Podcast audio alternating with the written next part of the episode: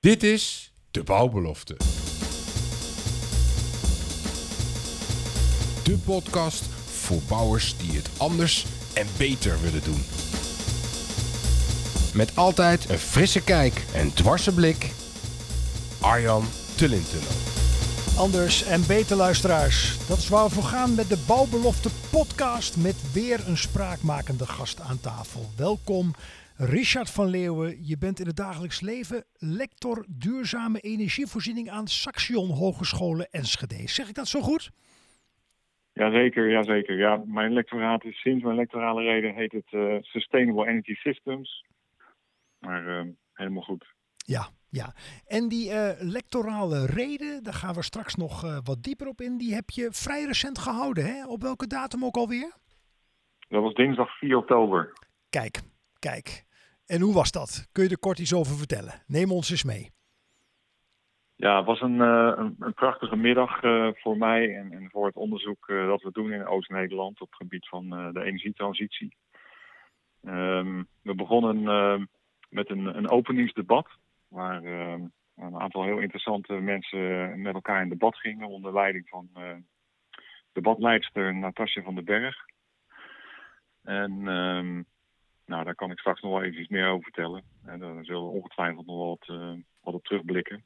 Uh, daarna hebben we een aantal workshops gehouden die parallel aan elkaar waren. En uh, gezamenlijk sloten we die workshop af met een aantal proefopstellingen. Waar iedereen een blik kon, kon, kon hebben van, of kon nemen van, van ja, laten zeggen, alle belangrijke aspecten van de energietransitie momenteel. Waterstof, slimme energie, duurzame verwarming. Ja, dus de vooropstellingen die hadden allemaal daar iets mee te maken. En uh, nou ja, ik mocht het afsluiten om vier uur met mijn electorale reden. En ik werd natuurlijk eerst uh, gehuldigd door, uh, door de voorzitter van het CVB, Anka Mulder, en mijn directeur van de academie waar ik voor werk, Peter van Dam. Dus ja, het was echt een feestje. En dan heb je de borrel daarna. En ja, iedereen was heel enthousiast. En uh, nou ja, ik denk dat we ook ons erg ons best hadden gedaan om er een mooi programma van te maken. En, uh, Klinkt ik heb goed. zelfs ook nog een liedje, een liedje gezongen. Dus uh, ik denk dat iedereen daar ook wel van onder de indruk was. Nou, en ja, ik zou zeggen, the floor is yours. zing het liedje eens. nou, dat, nou dat, dat, is wat lastig om te herhalen zonder muziek erbij en, en de tekst. Nee, het, ik had een... een een eigen tekst gemaakt op een bekend liedje van, uh, van Rob de Nijs. Uh, Wat als later nu is. Mooie titel. Dat is natuurlijk een, een prachtige ja. titel eigenlijk. Zeker. En uh, die titel heb ik wel terug laten komen. En het ging vooral over van ja, we, we maken wel veel plannen voor de energietransitie. En ja, dat duurt dan nog allemaal zo lang, hè, voordat het allemaal zover is. Terwijl de urgentie is hartstikke hoog. we moeten eigenlijk liever vandaag dan morgen aan de slag. Ja. En, ehm, ja, daar ging het liedje eigenlijk over. Van, uh, ja, we moeten ons wel realiseren dat uh, dat later eigenlijk al nu is. Ja. En we moeten gewoon echt uh, nu beginnen. En er zijn ook heel veel dingen die we kunnen doen. Daar ging het liedje ook over. Het is een beetje een liedje om toch ook wat hoopvol en wat vertrouwen te hebben in, ja, in de goede afloop hiervan. Want nou. dat ontbreekt soms ook nog wel een beetje in, de, in het debat en in de samenleving. Dat, er is ook wel veel doemdenken van oh, het is allemaal zo ingewikkeld en, en veel. Maar ja, het, uh, ja. het, is wel te doen hoor, als we gewoon aan de slag gaan. Ja, jouw woorden roepen bij mij uh, veel op, Richard. En ik uh, denk ook bij de luisteraars. Ehm, wat als later nu is. Ja, geweldige titel van Rob de Nijs. in een andere context dan dat jij hem bedoelt. Alleen het is wel een mooi als vertrekpunt ja. voor deze bouwbelofte. Hè? Die, nou ja, iets meer dan een half uur zal duren. En niet dat we daarmee de pretentie hebben volledig uitgesproken te zijn over het thema. Maar we hopen in ieder geval een mooie positieve bijdrage te hebben geleverd met als vertrekpunt wat kan wel. Is dat wat jou betreft ook een goed uh, uitgangspunt? Ja, perfect ja. uitgangspunt. Ja, en, en dan tegelijk hoor ik je ook zeggen, um, vul me aan als ik het verkeerd begrijp Richard. Uh, we moeten hoop houden, er gebeuren veel goede dingen. Alleen um, in een andere podcast uh, kwam naar voren iets als een CO2-budget. Dat als we zo doorgaan, uh, dat we over zes tot zeven jaar en we veranderen niet, echt gewoon niet meer kunnen bouwen. Omdat het landelijke CO2-budget dan op zou zijn, als ik het me goed voor de geest haal. Dan zou je toch zeggen, hey, er is in de hele samenleving voldoende urgentiebesef. Uh, door jouw bril bekeken, hoe kijk jij daar tegenaan? Nou ja, dat urgentiebesef, dat, dat heb ik zelf natuurlijk wel. En met mij uh, heel veel andere mensen ook. Maar om laten zeggen dat de hele samenleving dat urgentiebesef heeft, dat kan ik denk ik ook weer niet zeggen. Want anders zou denk ik uh, iedereen wel even drie keer nadenken voordat hij met het vliegtuig op vakantie gaat. Of in zijn auto uh, stapt voor een klein ritje. Ja. dus dat, dat urgentiebesef mag zeker nog wel, wel meer gevoeld worden. Maar ja, Weet je, misschien is het ook het, lastige in, dit soort vraagstukken. Eh, het is een maatschappelijk vraagstuk. En ook een beetje een psychologisch vraagstuk uh, uh, voor een belangrijk deel ook. Is welke, welke incentives hebben mensen om die urgentie te voelen? En nou ja, dan zijn eigenlijk de hoge prijzen van, van dit moment voor energie. Dat is dan eigenlijk misschien wel iets wat een beetje helpt om die, dat besef van urgentie te hebben. En dan is dan wel om een andere reden. De, de schaarste vanwege het feit dat we geen gas meer uit Rusland importeren. Maar eigenlijk is het uh, voor de energietransitie heel welkom. Dat we dan echt genoodzaakt worden om, om over alternatieven en over duurzame bronnen na te gaan denken. Dingen die we zelf kunnen gaan opwekken. Ja. En, dat, en, en, dat, ja, daardoor worden mensen denk ik ook gedwongen om, om met die urgentie aan de slag te gaan. Ja, nou, dat is een mooie binnenkomer gelijk aan het begin van deze bouwbelofte. Hè? Opwarming aarde, overbelast elektriciteitsnet, oplopende gasprijzen. Er speelt van alles op het gebied van duurzaamheid. En hoe gaan we met die uitdagingen om? Uh, hoorde ik het goed net, Richard? Er zit ook een psychologische component aan, hè?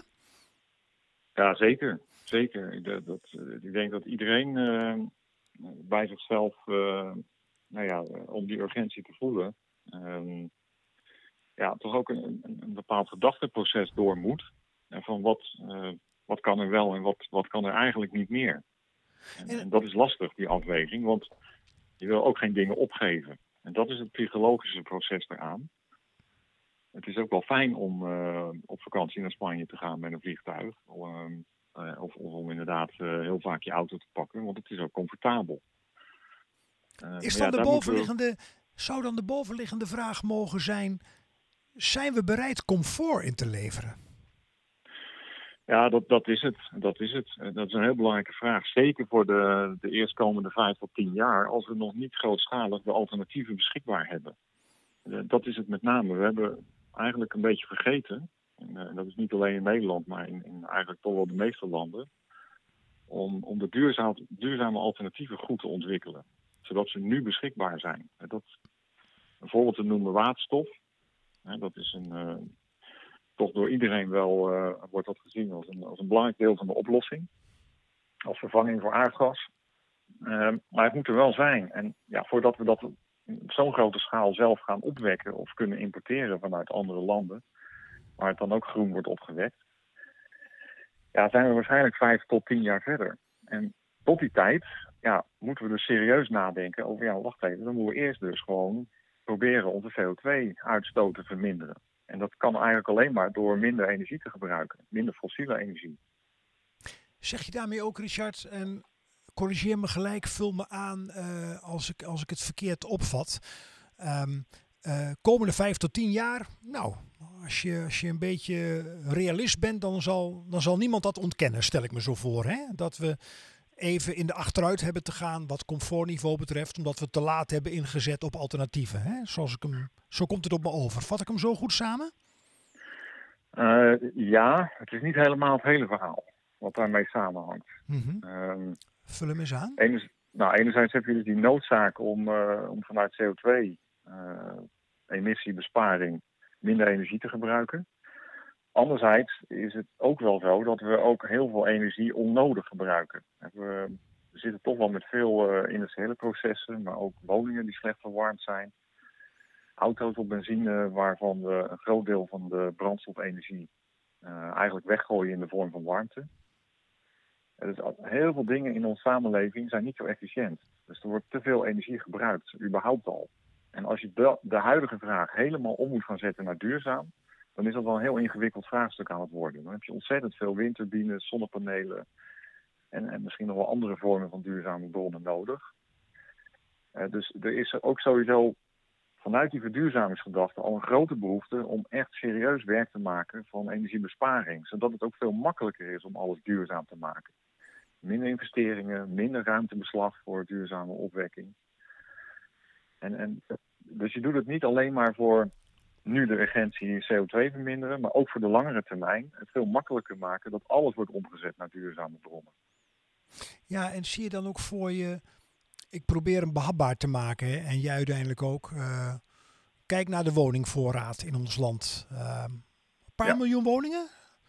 Ja, ruim 7 miljoen, 7, ja. nog iets, 7,8 geloof ik ongeveer. Nou, en dan zie je dat uh, de woningen die nu en ehm, in mijn voorbereiding, uh, ik heb de getallen niet paraat, maar je zult denk ik het met me eens zijn dat uh, nieuwbouwwoningen zijn over het algemeen al aardig uh, verduurzaamd. Hè? Met dubbellaags thermopeen bijvoorbeeld, dikkere muren en dat soort zaken. Ja. Um, maar je hebt ook een hele woningvoorraad. Uh, denk maar aan jaren 50 flats bijvoorbeeld in allerlei steden.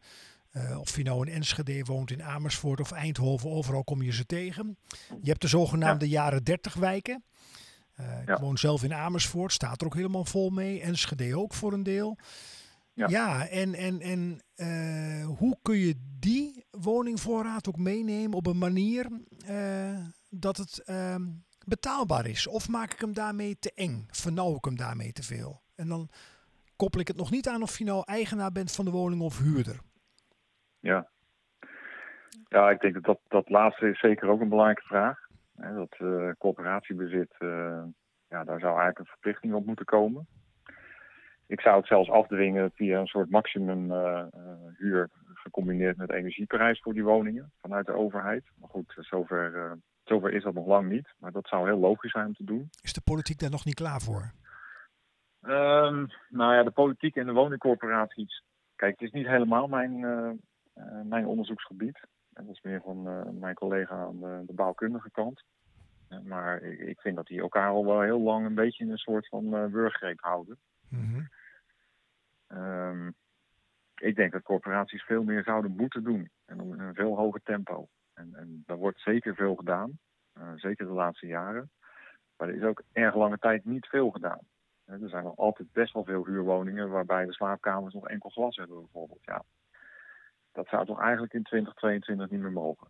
Mm -hmm. dat, uh, die achterstand moet echt heel snel ingehaald worden, denk ik. En ja, daar is denk ik wel een, een wat andere relatie tussen overheid en woningcorporaties voor nodig. En dat is in het verleden ooit natuurlijk uh, dat toch een soort van privatisering heeft plaatsgevonden. En dat het toch wat meer aan de markt werd overgelaten. Maar dit moeten we toch weer als taak van uh, ja, een maatschappelijke taak gaan zien. Om in elk geval de corporatiebezit echt goed op orde te krijgen. Want dat is een maat voor ook de rest van de, van de woningen. Op het moment dat je, je corporatiewoningen de beste woningen van het land zijn eigenlijk. Dus de sociale huurwoningen. Want hè, dan, dan kun je de mensen aan de onderkant van de inkomens... Uh, heb je woningen te bieden die relatief gunstig zijn om in te wonen, financieel gezien. Ja. Nou, dat, dat, dat is een, een meteen een, een soort van standaard in de woningmarkt dan aan het worden, waar iedereen zich aan gaat spiegelen. En wacht even, als aan de onderkant de woningen het beste zijn, ja, dan moet de rest ook mee. Ja, dat, dat effect gaat het gewoon hebben. En, en nou. zou het dan kunnen zijn, even los van de verhouding, uh, of het nou privaat of pub publiek bezit is, hè, die marktwerking. Um, kan het zijn dat in corporatieland, om het maar concreet te maken, nog onvoldoende ambitie is op dit vlak? Nou ja, ik, ik, denk dat dat een beetje wisselt. Ik zie corporaties die, uh, die, die er veel mee bezig zijn. Uh, die echt goed hun best doen. En uh, andere waar je dat minder bij merkt. Dus het, dat, dat is het nou net een beetje. De, de, de centrale regie erop, die ontbreekt volgens mij een beetje. Oké, okay, oké. Okay. En is die, ja. zie jij dat binnen, um, nou, binnen afzienbare tijd veranderen? Niet zo.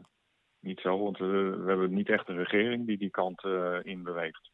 Ja, ja. Dus dan even kijken naar dat CO2-plafond uh, of budget, hoe je het ook wil noemen. Zes, zeven jaar, uh, over zes, zeven jaar, als de getallen kloppen, is dat op. Dan, dan toch een klein beetje doemdenken misschien, Richard.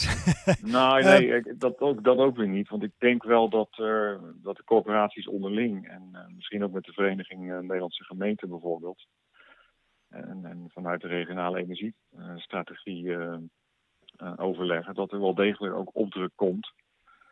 Uh, en misschien ook wel in voldoende mate dat corporaties dat wel gaan voelen en ook echt wel er echt wel mee aan de slag willen en moeten. Ja, dan doe ik ook niet alleen op corporaties, maar in algemene zin. Kijk naar die woningvoorraad die... Nou, ik ben geen expert, uh, zeg maar, tot en met de jaren tachtig gebouwd is.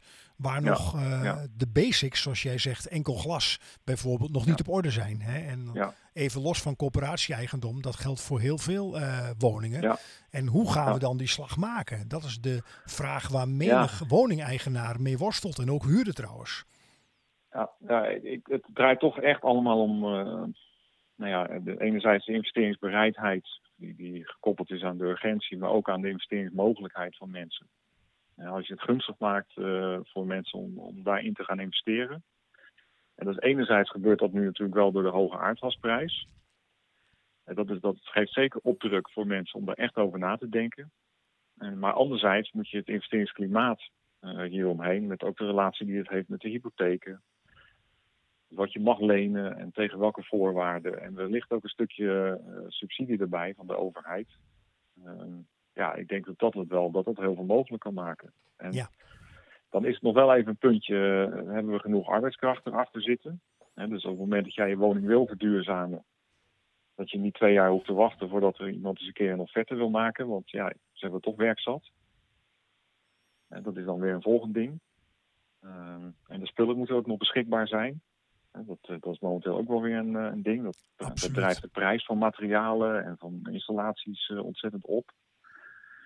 Dus eigenlijk zitten we best wel een beetje tegen allerlei plafonds aan te duwen momenteel. We willen wel, maar er zitten wel wat onmogelijkheden waar we tegenaan zitten te duwen. Ja. Dat merk je gewoon wel. En stel dat um, daarop aansluitend, Richard, uh, dat, dat, dat, dat er geen beperkingen zouden zijn. Hè? Uh, durf je dan een uitspraak te doen of wil je dat doen? Uh, ja, of het wel mogelijk is binnen afzienbare tijd. En afzienbare Ja. tijd is dan in deze tussen 0 en 10 jaar bijvoorbeeld. Ja, geen probleem. Nee. Kijk, weet je, als, als de beperkingen eraf zijn, als alles goed beschikbaar is, als er voldoende mensen zijn die eraan kunnen werken, als er nou ja, goede concepten zijn waar misschien mensen zelf, hè, dat je doe het zelf uh, gewijs ook aan kunnen werken, of met je straat kun je eraan werken. Het lijkt mij geen enkel probleem. Ja. Zo ingewikkeld is het aan de andere kant ook weer niet. Om, om glas te vervangen en om, om muren na te isoleren, ofwel aan de buitenkant, ofwel in de spouw of aan de binnenkant. Het, het, vraagt gewoon even aandacht en ook even wat tijd dat mensen erin gaan stoppen. En, en inderdaad toch ook wel geld. Maar ja, als dat allemaal geregeld kan worden, zou ik niet weten waarom het een probleem is. Merk jij dan vanuit jouw uh, achtergrond en ook je huidige werk en je onderzoek wat je gedaan hebt en nog steeds doet, dat daar meer gehoor voor is voor dat denken? Jazeker. Het komt overal ja, ja, ja, meer praktisch denken juist wat nodig is. Ja, ja, ontzettend. Ontzettend, ja. Daar is, daar, daar is ontzettend veel aandacht voor. Heel veel aandacht, heel veel belangstelling ook voor. Je ziet ook dat uh, woningcorporaties, uh, installatiebedrijven, uh, bouwende bedrijven de, de contact zoeken met, met lectoraten. Mooi. Om, ja, om samen oplossingen te ontwikkelen, om te onderzoeken ja, hoe dat zich kan versnellen. Dus ja, nee, zeker. En ja, een belangrijke reden daarvoor is natuurlijk ook om jonge mensen op te leiden via dit soort praktijkprojecten. Zodat ze ook die ervaring meekrijgen en direct daarna na een studie aan de slag kunnen met die bedrijven samen. Ja, en dan kom je op een punt, je snijdt het zelf aan. Uh, ik praat niet op klein niveau, microniveau, maar landelijk niveau. Uh, dan zie je toch wel dat het niet hip is om uh, nou, een uh, studie te kiezen waar je met je handen moet werken. Ik heb het over de grote aantallen, hè?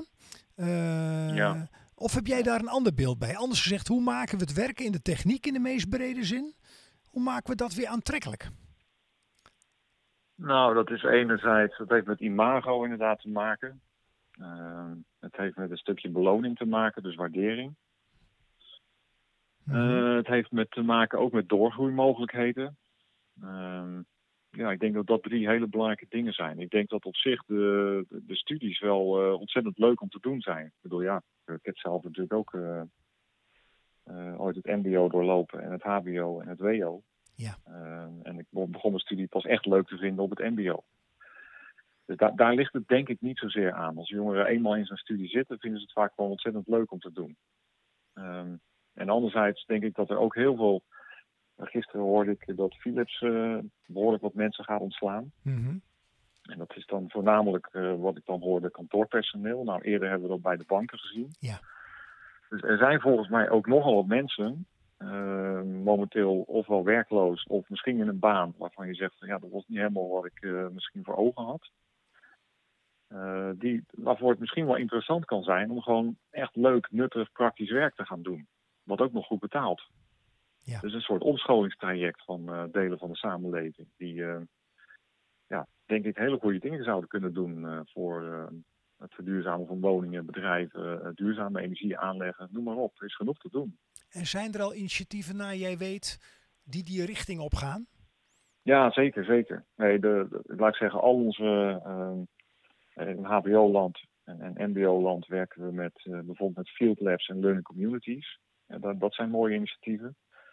En er komt ook landelijk behoorlijk veel, eh, veel middelen komen er vanuit de overheid om, eh, om dit soort scholingstrajecten te gaan koppelen aan deze maatschappelijke uitdagingen. Dus Mooi. daar is ontzettend veel beweging momenteel eh, gaande. Ja, nou, dat, dat, dat, dat zijn positieve geluiden, Richard. Ehm, ik wil straks ook nog even ingaan op wat jij noemt het nieuwe evenwicht, hè, wat nodig is. Hoe, je, hoe we ons als mensen verhouden tot de natuur. Ehm, en tegelijk vinden we het ook altijd waardevol om de luisteraar mee te nemen in wat andere eh, invalshoeken. En ik heb hier tien kaarten voor me liggen. De vragen erop, die weet ik zelf ook niet. Ik hussel ze iedere keer. Ehm, eh, jij mag een, eh, een nummer kiezen en dan ga ik de vraag voorlezen. Nou, vijf. Kijk, Mooi in het midden. ja, precies. Dan pakken we die erbij. Nieuw evenwicht, hè, dus we beginnen in het midden. Nou, dit is denk ik wel een aardige. Aan welke alledaagse klussen heb jij een hekel? En dat mag je zowel op je werkenten als op je thuissituatie. Oeh. nou, ik ben niet heel goed in het eh, administreren, moet ik zeggen. Dat vind ik lastig. Ja. Om daar voor een beetje, om dat een beetje leuk te blijven vinden. Ja, Maar ja, goed, ja. ja. Nee, en verder, nou, nee. Niet zo heel veel dingen waar ik echt een super hekel aan heb. Gewoon ergens gelukkig niet. Ja, stofzuigen, dat vind ik ook niet leuk. Maar het Ja. moet gebeuren. Nou, dan ben je een bevoorrecht mens, eh, Richard. Ja. Ehm, je mag er nog één kiezen. Eh, iets waar ik een eh, ontzettende hekel aan heb. Nee, een cijfer. Dan lees ik nog oh, een cijfer, voor. sorry. Ja. Drie. Dan gaan we naar kaart nummer drie. Ja, ehm, mooi toeval dat je dit nummer gekozen hebt. Waar kun jij je in het hier en nu echt druk over maken? Nou ja, weet je, ik heb twee kinderen en ehm, ja, als ik dan vooruit kijk eh, in de toekomst en ik zie eh, afgelopen zomer die lange periode van warm en droog weer, denk ik van ja, dat, dat komt dan wel heel dichtbij. Het gaat wel hard nu. Ja. Ja. En, eh, daar maak ik me heel erg druk over. Zorgen dat voor is ook de wel mijn belangrijkste generatie. motivatie. Ja, Ja. om echt aan de oplossingen te werken. Ja. En, eh, en dan zelf ook als consequentie eh, pakken dat eh, vliegen is bij mij gewoon afgelopen. Zoveel mogelijk, voor zover dat kan. Want ja, helaas moet ik het af en toe nog wel eens een keer doen. Omdat we nou ja, bijvoorbeeld voor mijn werk iets verder weg een keer ergens naartoe gaan. Maar privé wat mij betreft niet meer. Dus Ja. ja, dat zijn allemaal persoonlijke consequenties die, ja, die we toch wel trekken thuis. Nou, sluit het niet aan bij de vraag die ik eerder deelde. Zijn we bereid, of in welke mate ben je bereid comfort in te leveren? En comfort kun je heel breed zien. Ja, nou ja, dat onder andere. En eh, ja, goed. Uh, wij eten al behoorlijk lang, uh, nou zeggen, semi-vegetarisch. Hoewel we best ook nog wel vleesliefhebber zijn, maar dat doen we veel minder. Dus dat zijn dingen, ja, is dat comfort? Het is een ander eetpatroon, omdat Ja. je realiseert. Het is ook lekker hoor, om gewoon uh, zonder vlees te eten. Dus het is wat dat betreft niet heel veel inleveren, wat mij betreft. Niks mis mee. Weinig. Ja. En uh, ja, een ander, ja, comfort. We zetten de verwarming inderdaad nu al een graad lager. Dat is echt wel een klein beetje comfort inleveren. Dat, merk ik, dat merken we wel. Uh, we stookten al nooit heel warm en het is nu echt wel uh, wat frisser. Dus nou, even een deken om je heen als je nog even voor de tv hangt s'avonds. Maar dat is verder niet zo'n probleem. Nou, gelukkig. Ik hoor een hele praktische benadering en dat is zeer waardevol ook. Even terug naar het evenwicht. Hè? Letterlijk, als ik je goed citeer, als ik zie wat er in de wereld speelt, dan kom ik niet aan de gedachte dat we op zoek zijn naar een nieuw evenwicht hoe we ons als mensen verhouden tot de natuur. Nou, um, voor de mensen die mogelijk nu een beetje kortsluiting krijgen in hun hoofd, in het licht van jouw ja. uh, lectorale reden. en de thema's die we, die we nu besproken hebben. Wat, wat, kun je erbij vertellen, Richard? Ja, nou de oorspronkelijke idee wat ik bij de titel van, van de reden en van het boekje had, hè, dat nieuwe evenwicht, dat, dat was heel nadrukkelijk verbonden met onze onderzoekagenda op het gebied van systeemintegratie en, en slimme energie. En want dan probeer je in de tijd de opwek van duurzame energie in evenwicht te brengen met het gebruik van energie. Mm dus uh, nou, heel logisch om, om het aan te koppelen. Maar ja, tijdens de, de organisatie hiervan, en het, speelt al een langere tijd. Want oorspronkelijk wilde ik uh, voor de COVID was het al het idee om, om de electorale reden te organiseren. Maar toen kwam de COVID-periode eraan en dan merk je dat er op zoveel vlakken sprake is van een uit evenwicht geraakt systeem waar we met elkaar in zitten. Mm Gezondheidszorg uh, zie je dat kamp met een tekort aan bedden. Dat lijkt heel erg veel op, op tekorten in het energiesysteem. Uh, het is namelijk, je hebt niet gewerkt aan, aan het aanleggen van voorraden. Nou, voorraden bedden op een IC bijvoorbeeld hebben we dan tekort. Um, de stikstofcrisis is, is een hele belangrijke die er ook bijgekomen is.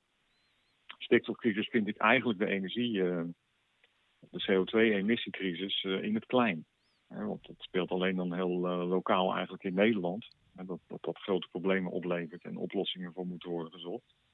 Mm -hmm. Maar het is een beetje eenzelfde soort probleem waar het over gaat. Het gaat ook over een emissieprobleem wat zorgt voor effecten in de natuur. Alleen is het allemaal veel lokaler dan, uh, dan uh, met onze CO2-emissie. Ja. Um, de basis van die twee problemen, stikstof en CO2, heeft heel erg te maken hoe wij als mens gewend zijn geraakt, als mens in de geïndustrialiseerde wereld, om met de natuur om te gaan. Eigenlijk hebben we afgeleerd tijdens de industriële revolutie om evenwichtig met de natuur om ons heen om te gaan. En we zijn eigenlijk een beetje onze eigen koers gaan varen.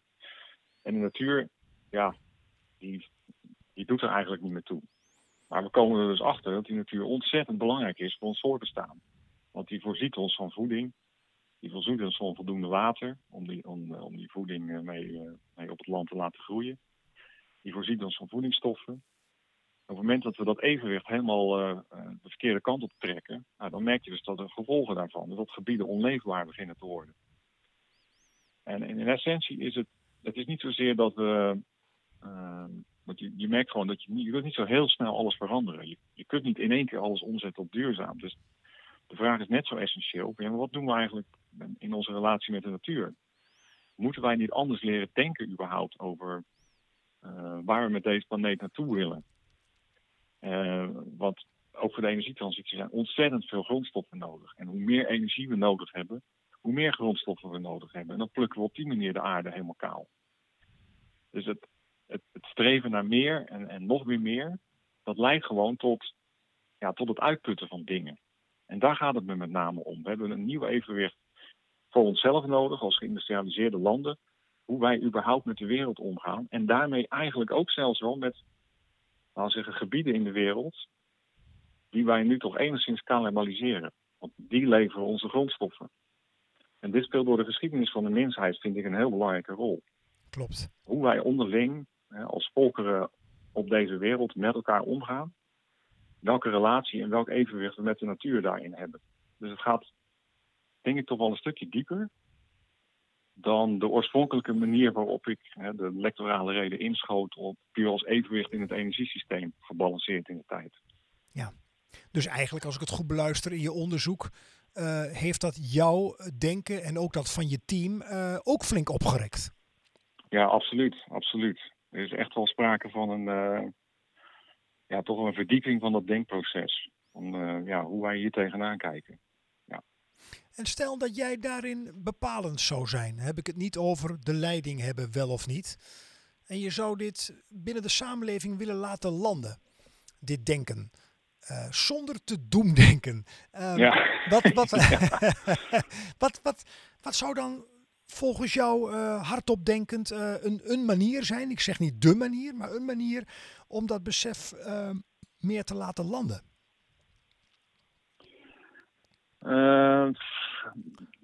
Wat altijd wel helpt, wat altijd wel helpt, is een soort denkkader te hebben.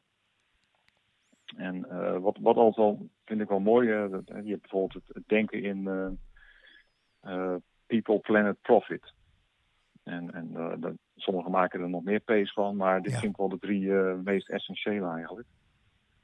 Uh, ik, ik, denk onze oude, ons oude evenwicht is nogal gebaseerd op profit voorop zetten. Ja. En, en, en, dan de hele tijd niks. En dan people een keer. Maar dan vooral de people hier. Hè, je eigen people. En de people daar, hè, waar je van afhankelijk bent voor de grondstoflevering en zo, die zijn nog veel minder belangrijk. Mm-hmm. En dan als laatste komt Planet een keer om over na te denken. En eigenlijk moet je dat volledig omkeren. Planet moet totaal bovenaan staan de komende tijd. Zorgen dat, nou ja, dat die aarde zich kan herstellen, dat we niet die CO2-emissie uh, of die CO2 uh, uh, op laten lopen tot, tot grenzen waarin we de klimaatverandering niet meer aankunnen. Uh, en als tweede, heel belangrijk, daar direct onder, is people hier en daar. Dat moet ook in evenwicht zijn. En dan, dan kom je bij die Sustainable Development Goals van de Verenigde Naties uit. Correct. Uh, die, die eigenlijk iets zegt over van verdeling van de welvaart en van welzijn over de hele wereld heen. Ja, want daar hebben we echt nog hele grote stappen in te maken. En dan als laatste, profit. Want in hoeverre is profit nou eigenlijk nog steeds heel erg belangrijk? Ja, wel als je jezelf wil verrijken, en, en als land of als individu heel rijk wil worden. Maar stel nou dat profit eigenlijk niet meer zo belangrijk is. Dat profit alleen maar bijdraagt aan die twee bovenliggende doelen. En dat mensen een goed leven kunnen hebben, overal ter wereld. En dat de natuur uh, nou ja, op een goede manier in ons bestaan kan voorzien. Ja, dan, dan is profit is gewoon min of meer voorwaardelijk geworden, maar niet een doel meer op zich. Ja. Nou, en, en dat is eigenlijk zo'n model, helpt denk ik. En, en ook informatie daaromheen en gegevens die we kunnen verzamelen, goede voorbeelden die we kunnen laten zien. Ja, dat helpt denk ik wel om mensen te overtuigen dat we die kant op zouden moeten.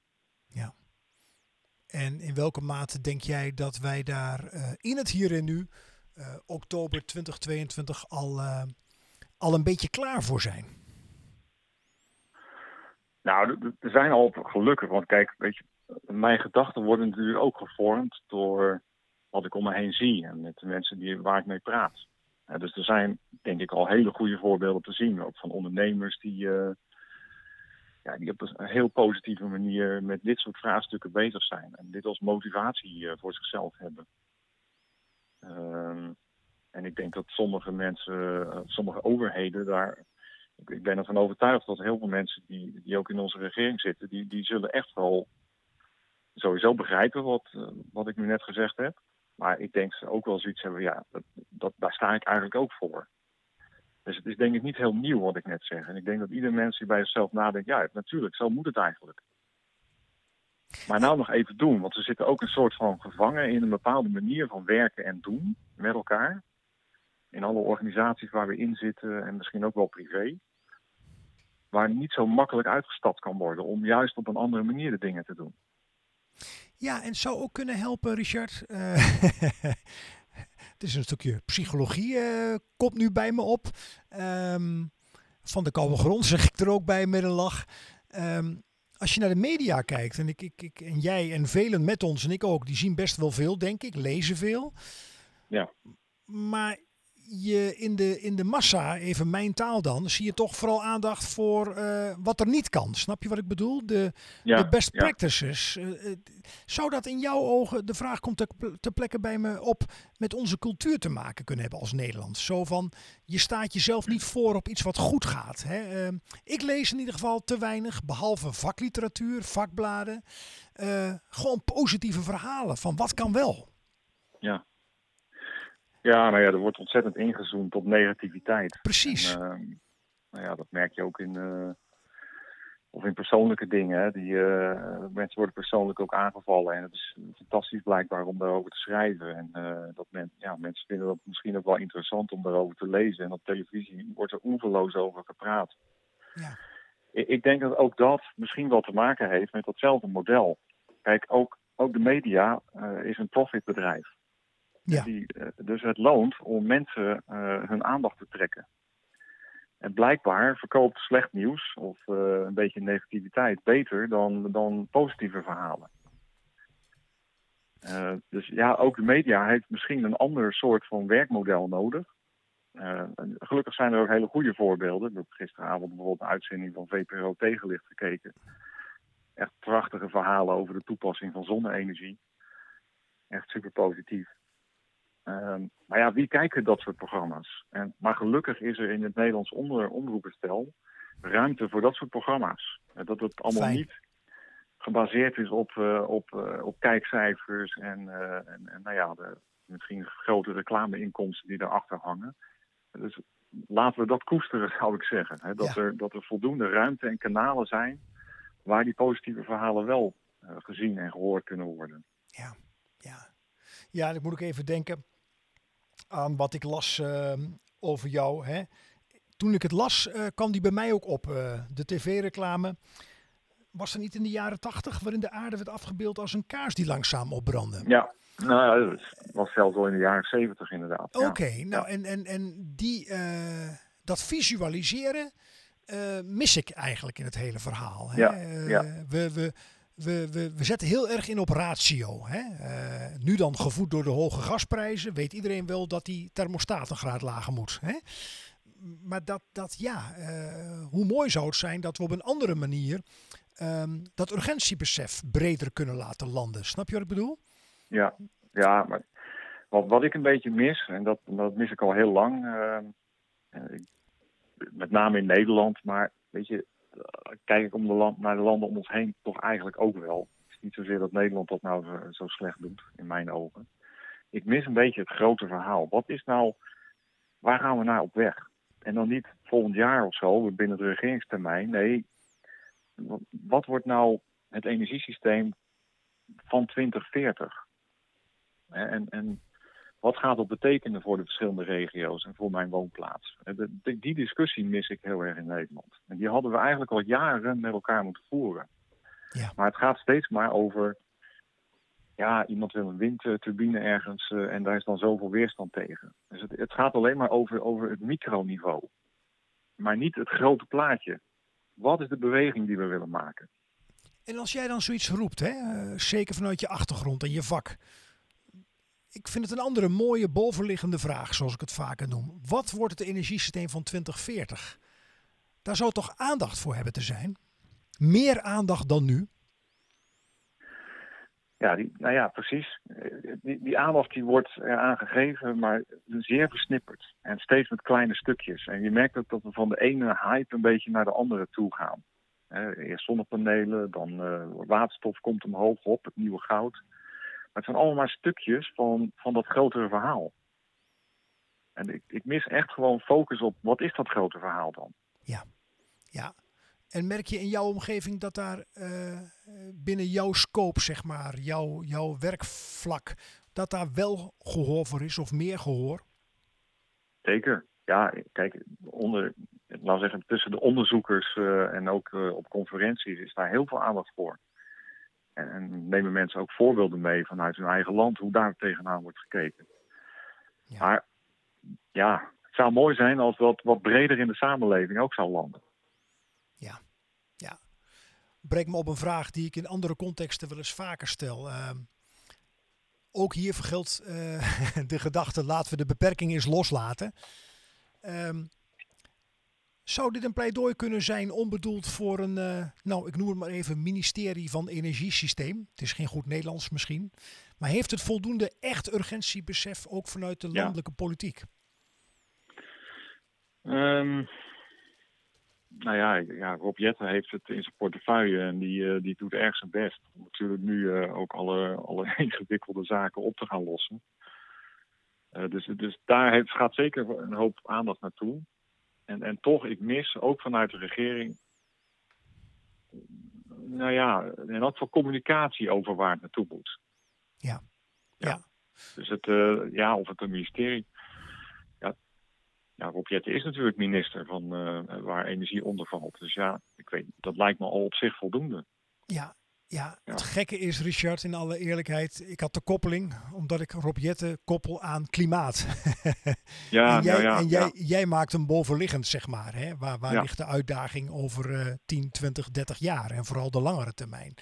Dus eh, dat is ook even mijn gedachtenkronkel geweest. Uh, ja, Richard, de tijd die vliegt uh, richting een afronding. En, en, over dit thema kunnen we echt nog langere tijd doorspreken. Maar wel fijn dat je het. Ja, je hebt een ander blikveld binnengebracht over hoe we om hebben te gaan met duurzaamheid en energietransitie. Stel nu ehm, als laatste vraag, Richard, dat jij ehm, dat, dat, dat je een, een, een, drie kwartier spreektijd zou krijgen met Rob Jetten. Met z'n tweeën. Zonder adviseurs erbij, spindokters en aanverwante gespuis, zeg ik met een lach. wat, wat, wat, zou dan, wat zou je hem dan mee willen geven? Nou, ik zou hem sowieso. ik heb een aantal vragen voor hem. Hè, onder andere, ik heb heel veel interesse waar wat zijn visie is op het, op het toekomstige energiesysteem. Maar ik zou hem ook wel willen laten zien hoe ik daarover denk. Ja. ik zou hem uit willen nodigen daar, daar weer vragen naar mij toe over te stellen. Ja. Want kijk, het, ik, ik, zie dat op een bepaalde manier.